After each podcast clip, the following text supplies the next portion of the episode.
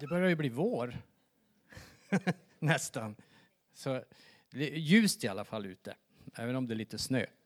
Eh, jag tänkte bara en liten pålysning om det här lilla kortet. Det ligger där nere på precis vid eh, ljud... Eh, vad kallar man det? Vid mixerbordet.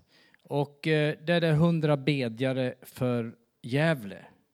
Och teckna gärna upp dig på, på den här listan och var med och, och ta ett sånt här kort och var med och bed för Gävle. Eh, det är eh, någonting som är jätteviktigt. Jag föreställer mig att när vi ber så är det precis som att man jag vet inte hur man ska... Eh, det här var ju, är ju en konstig bild förstås som, som jag nu delar. Eh, men att eh, man talar, brukar tala om himlens fönster. Och eh, jag föreställer mig att när man ber så är det som att man, man öppnar det här. Man öppnar himlens fönster och Guds välsignelser till sina behov och till andra människors behov. Och eh, ju mer fönster man öppnar, ju, ju större verkan får det givetvis. Både av ljus, av värme och det som kan möta både oss själva och människor. Så målet är att vi ska ha 100 bedjare. Vi är snart uppe i 40 som har tecknat sig på listorna. Och eh, då är det bara från den här församlingen. Det kommer fler församlingar som kommer att vara med i, på, eh, för att be 100 bedjare för Sverige, eller för, för Gävle. Så var med. Ta gärna ett kort och teckna dig på den där listan. Och sen eh, eh imorgon kväll så är det så att eh, vi ska fortsätta göra färdigt de där eh, små chokladerna. Men det kommer att bli en sån här påse också som vi ska packa. Och påsen, det är 166 påsar som ska packas. De kommer att delas ut till de som arbetar på några äldreboenden här i Gävle. Så vi kommer att åka ut med dem på tisdag förmiddag till några äldreboenden. Här kommer att packas en bok, en tidning, lite godis, ett kort och en fin blomma till dem. Och vi kommer att tacka dem för att de arbetar och gör vad de kan för andra människor. Så, eh, och den här QR-koden som är på det här kortet, även vykortet, det finns 250 vykort här så nu, nu är vi så många som vi tar, vad blir det om vi tar tre var, då, då blir det slut. Eh, den här QR-koden går till en till Hedvigslundskyrkans en hemsida eller en sida på Hedvigslundskyrkans hemsida. Där det är först någon som sjunger den här sången. Du vet väl om att du är värdefull. Och sen så är det ett väldigt fint vittnesbörd av en ung tjej som man också kan se på video. Sen kan den som vill beställa en gratis bok, En ny tid. Så eh, det som nu kommer ut, det som människor får möta, det är, det är en hälsning med kärlek från oss i Hedvigslundskyrkan. Och jag tycker vi ber en liten bön för det. Tack Herre för att du vill nu välsigna allt det här. Vi knyter ihop godis med kortet och alla kort som delas ut. Vi ber dig att du ska på ett speciellt sätt låta, låta alla hjärtans dag få bli en, en hjärtehälsning från dig till människor om att de är värdefulla, att du har en uppgift för dem, att du vill, att du vill deras bästa. Låt det inte bara vara ett litet kort eller en godis, utan låt det vara en hälsning direkt ifrån dig. Och jag ber dig för alla som ska vara med och dela ut också, att du ska, du ska vara med genom din ande. Låt det få vara ett, en, eh, en, eh, någonting från himlen som också möter människor så när de tar emot det här. Vi tackar dig att du vill vara med, du vill välsigna. Vi ber dig för den här staden att du ska komma med din heliga ande och röra vid människor här i staden så att de känner, när de, de kan känna när de går förbi kyrkan, de kan känna när de möter oss som tror, att det finns någonting, att det finns en Gud, att det finns någon som vill dem väl. Vi ber om det i Jesu namn. Amen.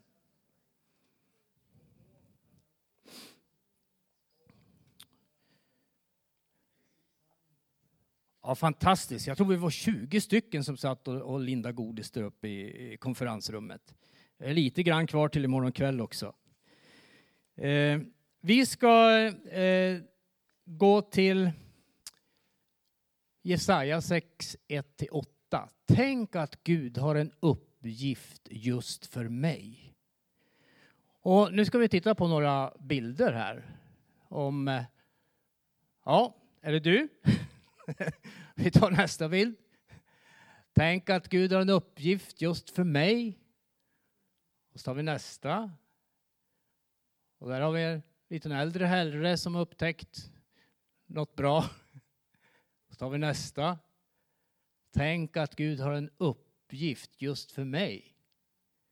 Och nästa. Tänk att Gud har en uppgift just för mig. Alla kan få en uppgift av Gud. Och nu ska vi läsa texten från Jesaja. Där det står så här i Jesaja 6, 1-8. I det år då kung Ussia dog såg jag Herren sitta på en hög och upphöjd tron och släpet på hans mantel uppfyllde templet. Serafer stod ovanför honom, var och en hade sex vingar. Med två täckte de sina ansikten, med två täckte de sina fötter och med två flög de. Och den ene ropade till den andre, helig, helig, helig är Herren Sebaot. Hela jorden är full av hans härlighet. Rösten från den som ropade fick dörrposterna och trösklarna att skaka och huset blev uppfyllt av rök. Då sa jag, ve mig, jag förgås. Ty jag är en man med orena läppar och jag bor ibland ett folk med orena läppar och mina ögon har sett konungen, Herren Sebaot. Då flög en av seraferna fram till mig. I hans hand var ett glödande kol som han med en tång hade tagit från altaret. Med det rörde han vid min mun och sa, när nu detta har rört vid dina läppar har din missgärning tagits ifrån dig och din synd är försonad. Och jag hörde Herrens röst. Han sa, vem ska jag sända och vem vill vara vår budbärare? Då sa jag, här är jag, sänd mig.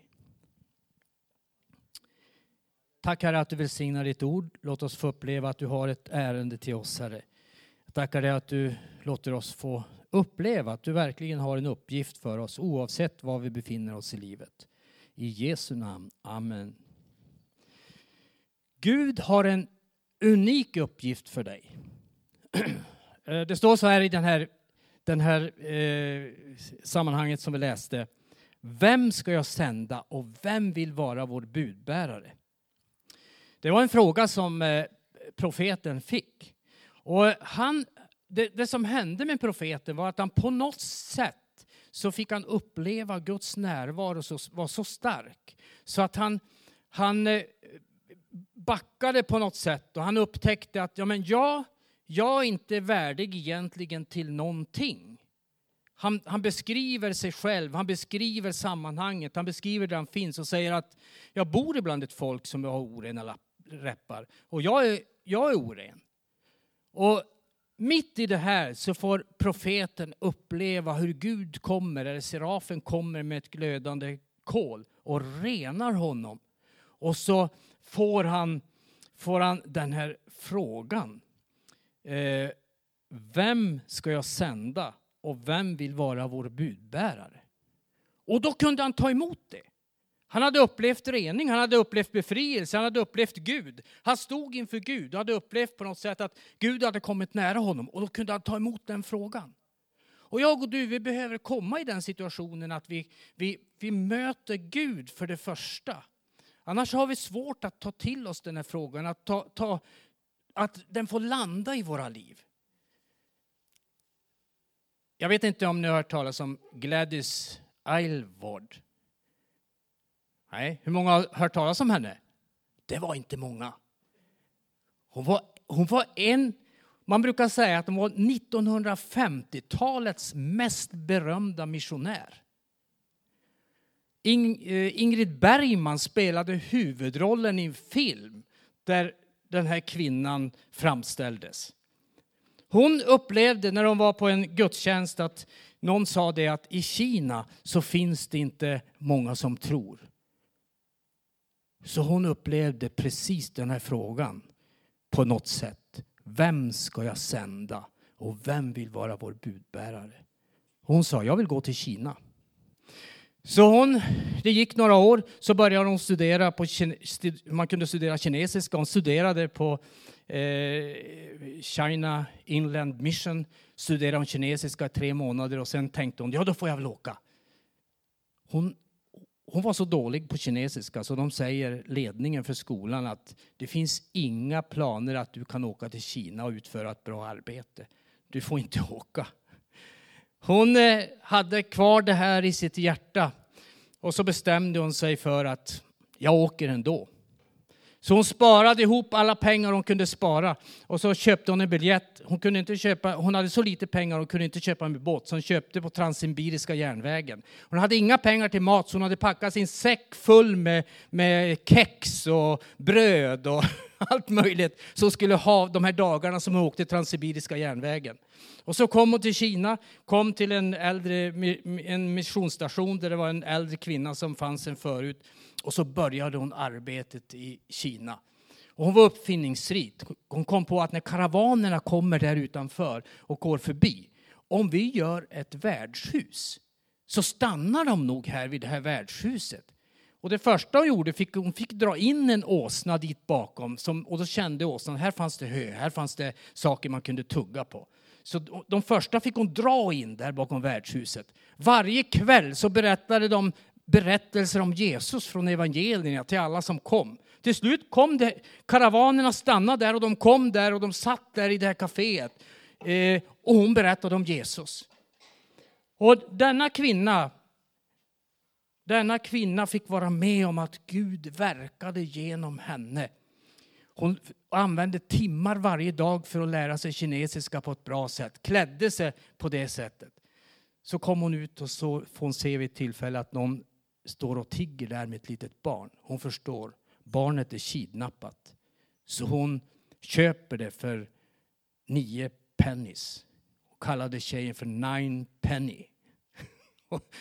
Sen efter ett år så kom den här lilla tjejen till henne och sa det att ja, den här killen är föräldralös. Om jag äter lite mindre så kan han väl få också vara här hos oss. Så blev det han han fick namnet Less mindre. Till slut hade hon flera barn. Så kom japanska, det är massor med händelser runt hennes liv. Så kom japanska kriget, slutet på 1930-talet. Och eh, japanska armén var på väg. Då hade hon fått en, hon hade omkring hundra barn som hon skulle föra över bergen ner till Gula floden. Och det berättas om henne att hon förde den här, det tog 12 dagar att fara över bergen med de här barnen. En del fick man bära hela tiden.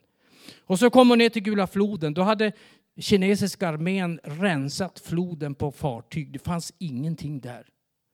Därför att man ville inte att japanerna skulle komma över. Så de är där vid flodstranden, hundra barn och Gladys Aylward.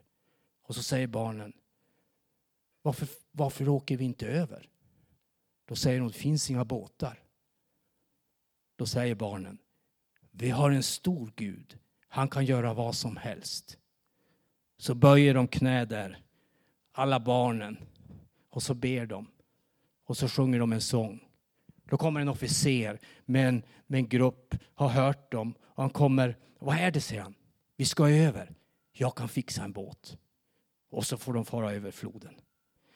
Och hennes, hennes story blev en film på slutet på 1950-talet de, när filmen fick namnet eh, eh, Six Happiness, tror jag det var. The In of the Six Happiness. Och då säger Gladys, när hon är gammal, säger hon. Någon frågar henne, hur kunde du göra så fantastiskt för Kina? Då säger Gladys, ja, jag tror att Gud egentligen kallade en fantastisk man med bra yrke, god utbildning. Men han sa nej. Och så tittade han ner och så såg han Gladys Aylward. Och hon sa ja. Du vet att Gud har en uppgift för dig. Han har en uppgift för oss var och en. Och det är inte så att den här uppgiften som, som Gud vill ge oss. Han, han tittar ner, han ser på oss och han kallar oss. Och det, det vi får göra är att svara ja till den kallelsen. Vi får säga ja till Gud. Och jag skulle också vilja säga det att Eh, idag så är första dagen på resten av ditt liv att fånga den här uppgiften. Just nu. Just nu är första dagen att fånga den här uppgiften. Vad har Gud för uppgift för dig och mig? Vad har han för uppgift? Det är lite märkligt att se de här profetorden som vi läste, eller eh, orden från profeten Jesaja. Profeten Jesaja är ju också en märklig bok i sig. Han citeras ungefär hundra gånger i, i eh, evangelierna om man tar olika citat. Man brukar ibland kalla honom för den femte evangelisten. Han, han, han, har en, han beskriver Jesus i, i Jesaja 53 på ett fantastiskt sätt. Herrens lidande tjänare. Och i det här sammanhanget så är det precis som att det, det, står i första kapitlet att han profeterade under, och så räknas det upp konungarnas tid. Och så kommer vi till sjätte kapitlet. Och en del bibelkommentatorer de säger det att det här var profetens kallelse. Men någon säger det är inte säkert. Det kan vara profetens förnyade kallelse. Att han fångade på något sätt sin uppgift, den som Gud hade och gick in i den helhjärtat. Han hade börjat, han hade börjat profetera, men så kommer det tillfället när han får möta Gud, när han får, får plötsligt se vem Gud är. Och så bestämmer han sig för nu, nu fångar jag uppdraget en gång till. Nu fångar jag det här, nu tar jag tillvara på det här, nu, nu, nu sviker jag inte, nu går jag vidare. Och vi ser det från Jesaja, fortsättningen från det sjätte kapitlet, så ser vi det. Han profeterar, han profeterar om folk, assyrier, babylonier, Israel. Han profeterar och han lyfter från, från Jesaja 40 till 66 så ser vi han, han beskriver vad som ända rakt in i vår tid, vad som ska komma. Han fångade det igen på något sätt. Och vad var det som gjorde att han fångade den här uppgiften? Jo, han tvekade inte att säga, här är jag, sänd mig. Det drabbade honom på något sätt i hans hjärta, det här som Gud sa, vem ska jag sända och vem vill vara vår budbärare? Och så bestämde han sig för, vad den innebär, så säger jag, här är jag, sänd mig. Och det här tror jag är själva nyckeln till att jag och du ska, vad ska jag säga, starta om, komma till skott. Igen få tag på vad som är Guds kallelse i våra liv. Vi kan hamna i situationer där vi känner det, vad gör jag? Vad är jag till för? Vad är min uppgift? Vad vill Gud? Men då behöver vi, precis som profeten Jesaja, vi behöver möta Gud. Och vi behöver höra hans röst. Och vi bör också fånga det på det sättet att det svarar, här är jag, sänd mig. Och vad kan det innebära för dig och mig? Jo, det är kopplat till vilka vi är. Det är inte kopplat till vad någon annan är. Det är kopplat till det som Gud har lagt ner i ditt liv av gåvor, av utrustning, av andliga gåvor. Vi är unika. Det är inte så att Gud säger nu ska du bli som han, nu ska du bli som hon. Han säger sin kallelse till dig och mig precis där vi är och vilka vi är.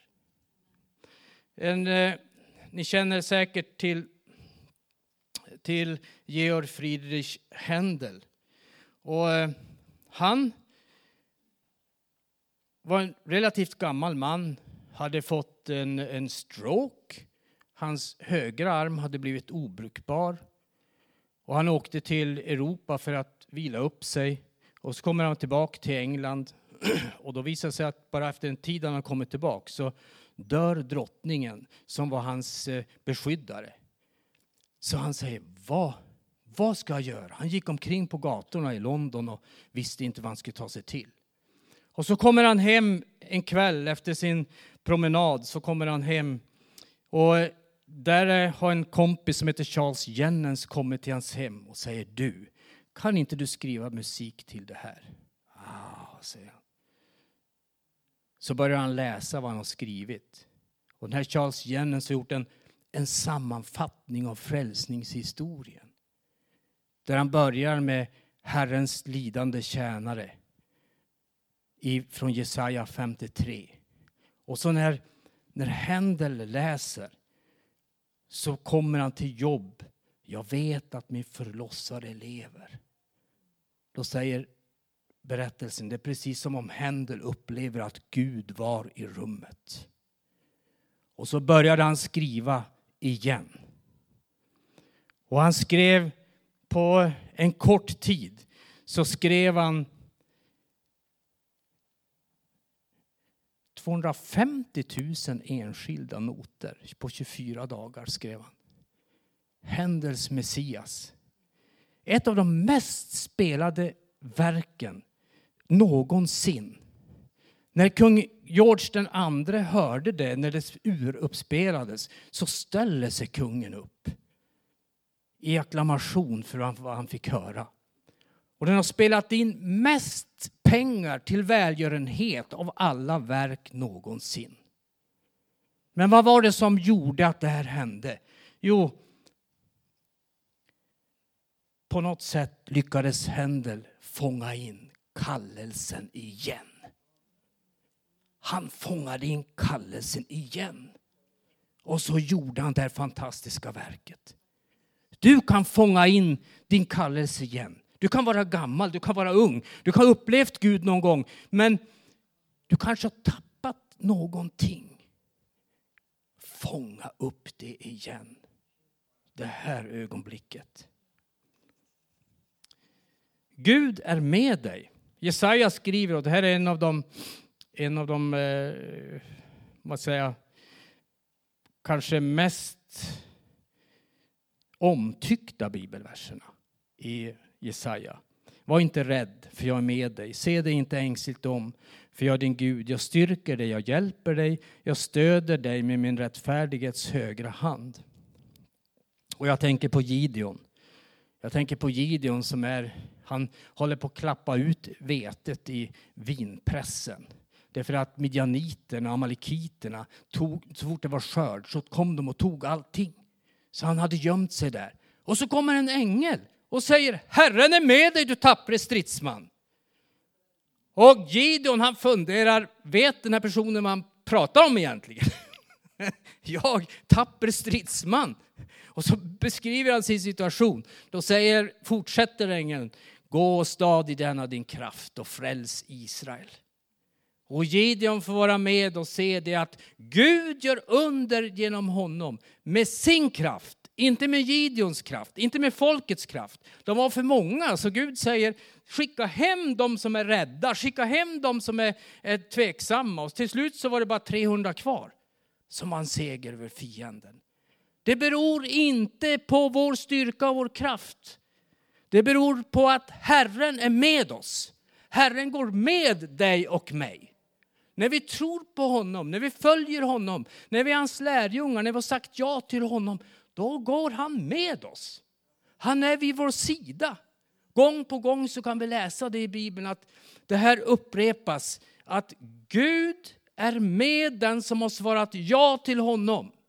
Även om det kan se knöligt ut ibland så får vi uppleva det.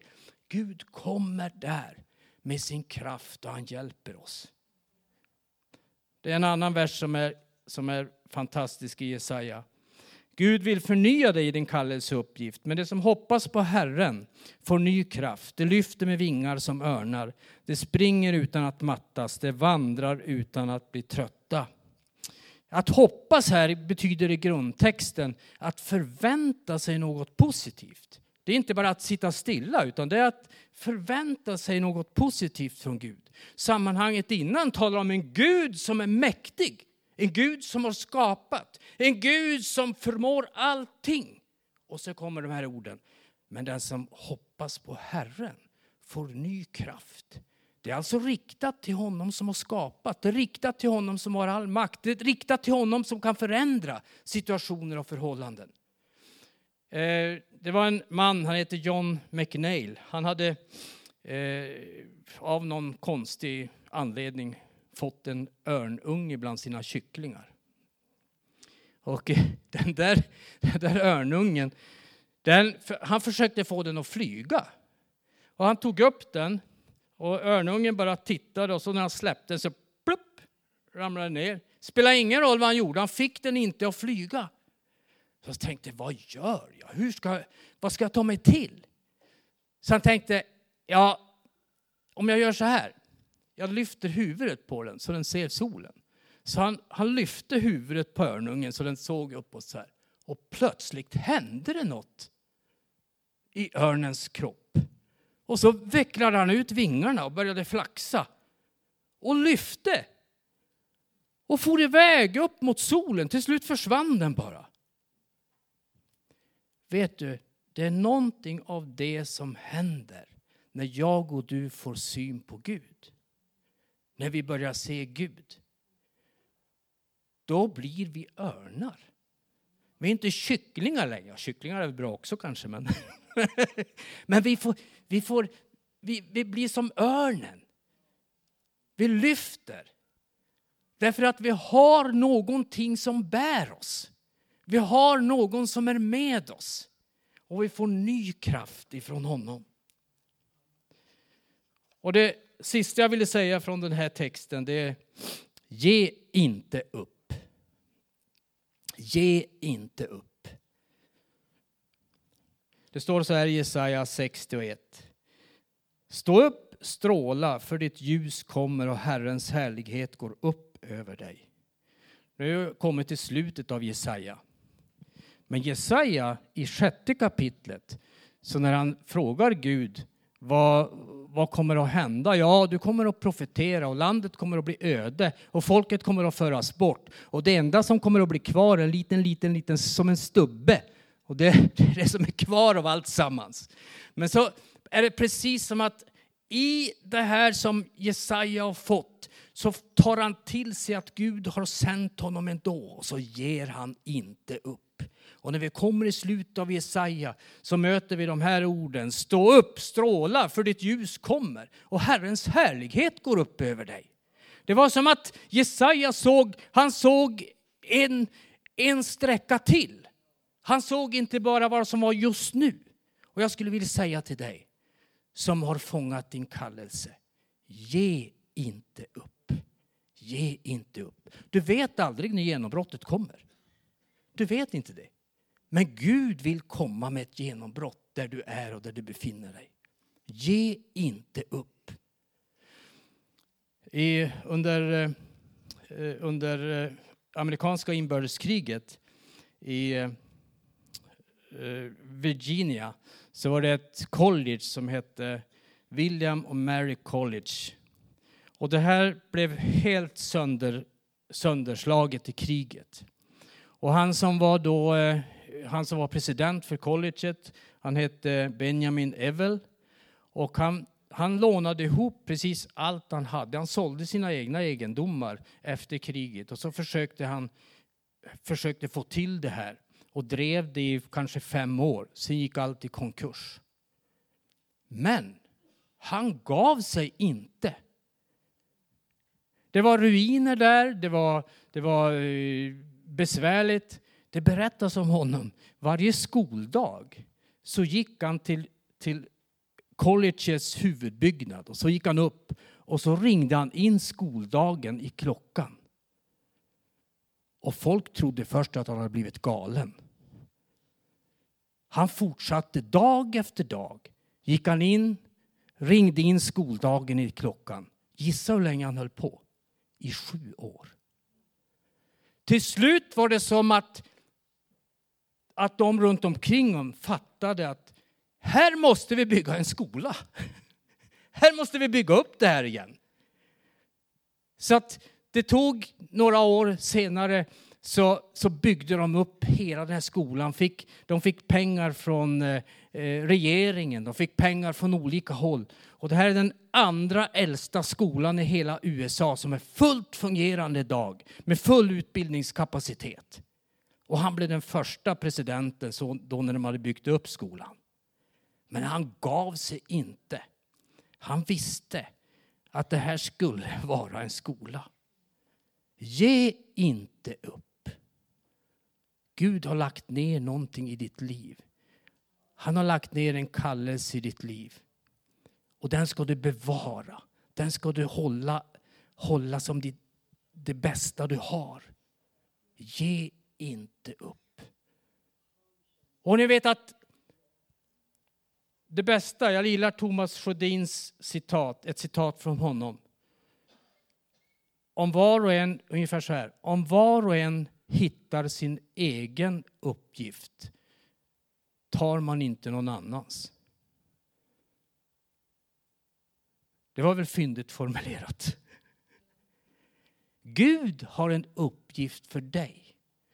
Fånga den uppgiften. Fånga den uppgiften. Där låter han dig göra skillnad på ett fantastiskt sätt. Amen. Tack Herre för att du vill låta oss få uppleva hur vi kan få göra skillnad där vi är på olika sätt. Hjälp oss att vi som profeten kan, kan säga här är jag, sänd mig. Och att vi, vi, eh, om vi har upplevt det tidigare men känner det att det på något sätt har, har eh, tonat av i våra liv. Att vi idag, den här stunden, igen kan säga till dig, här är jag, sänd mig. Jag upplever så starkt när jag står här att du finns här som du vågar inte riktigt lita på att det här du har hört, det här du har upplevt från Gud, att det, det är riktigt. Men jag upplever hur Gud säger till dig, det är jag som har kallat dig. Det är jag som har kallat dig. Och jag vill gå med dig varje dag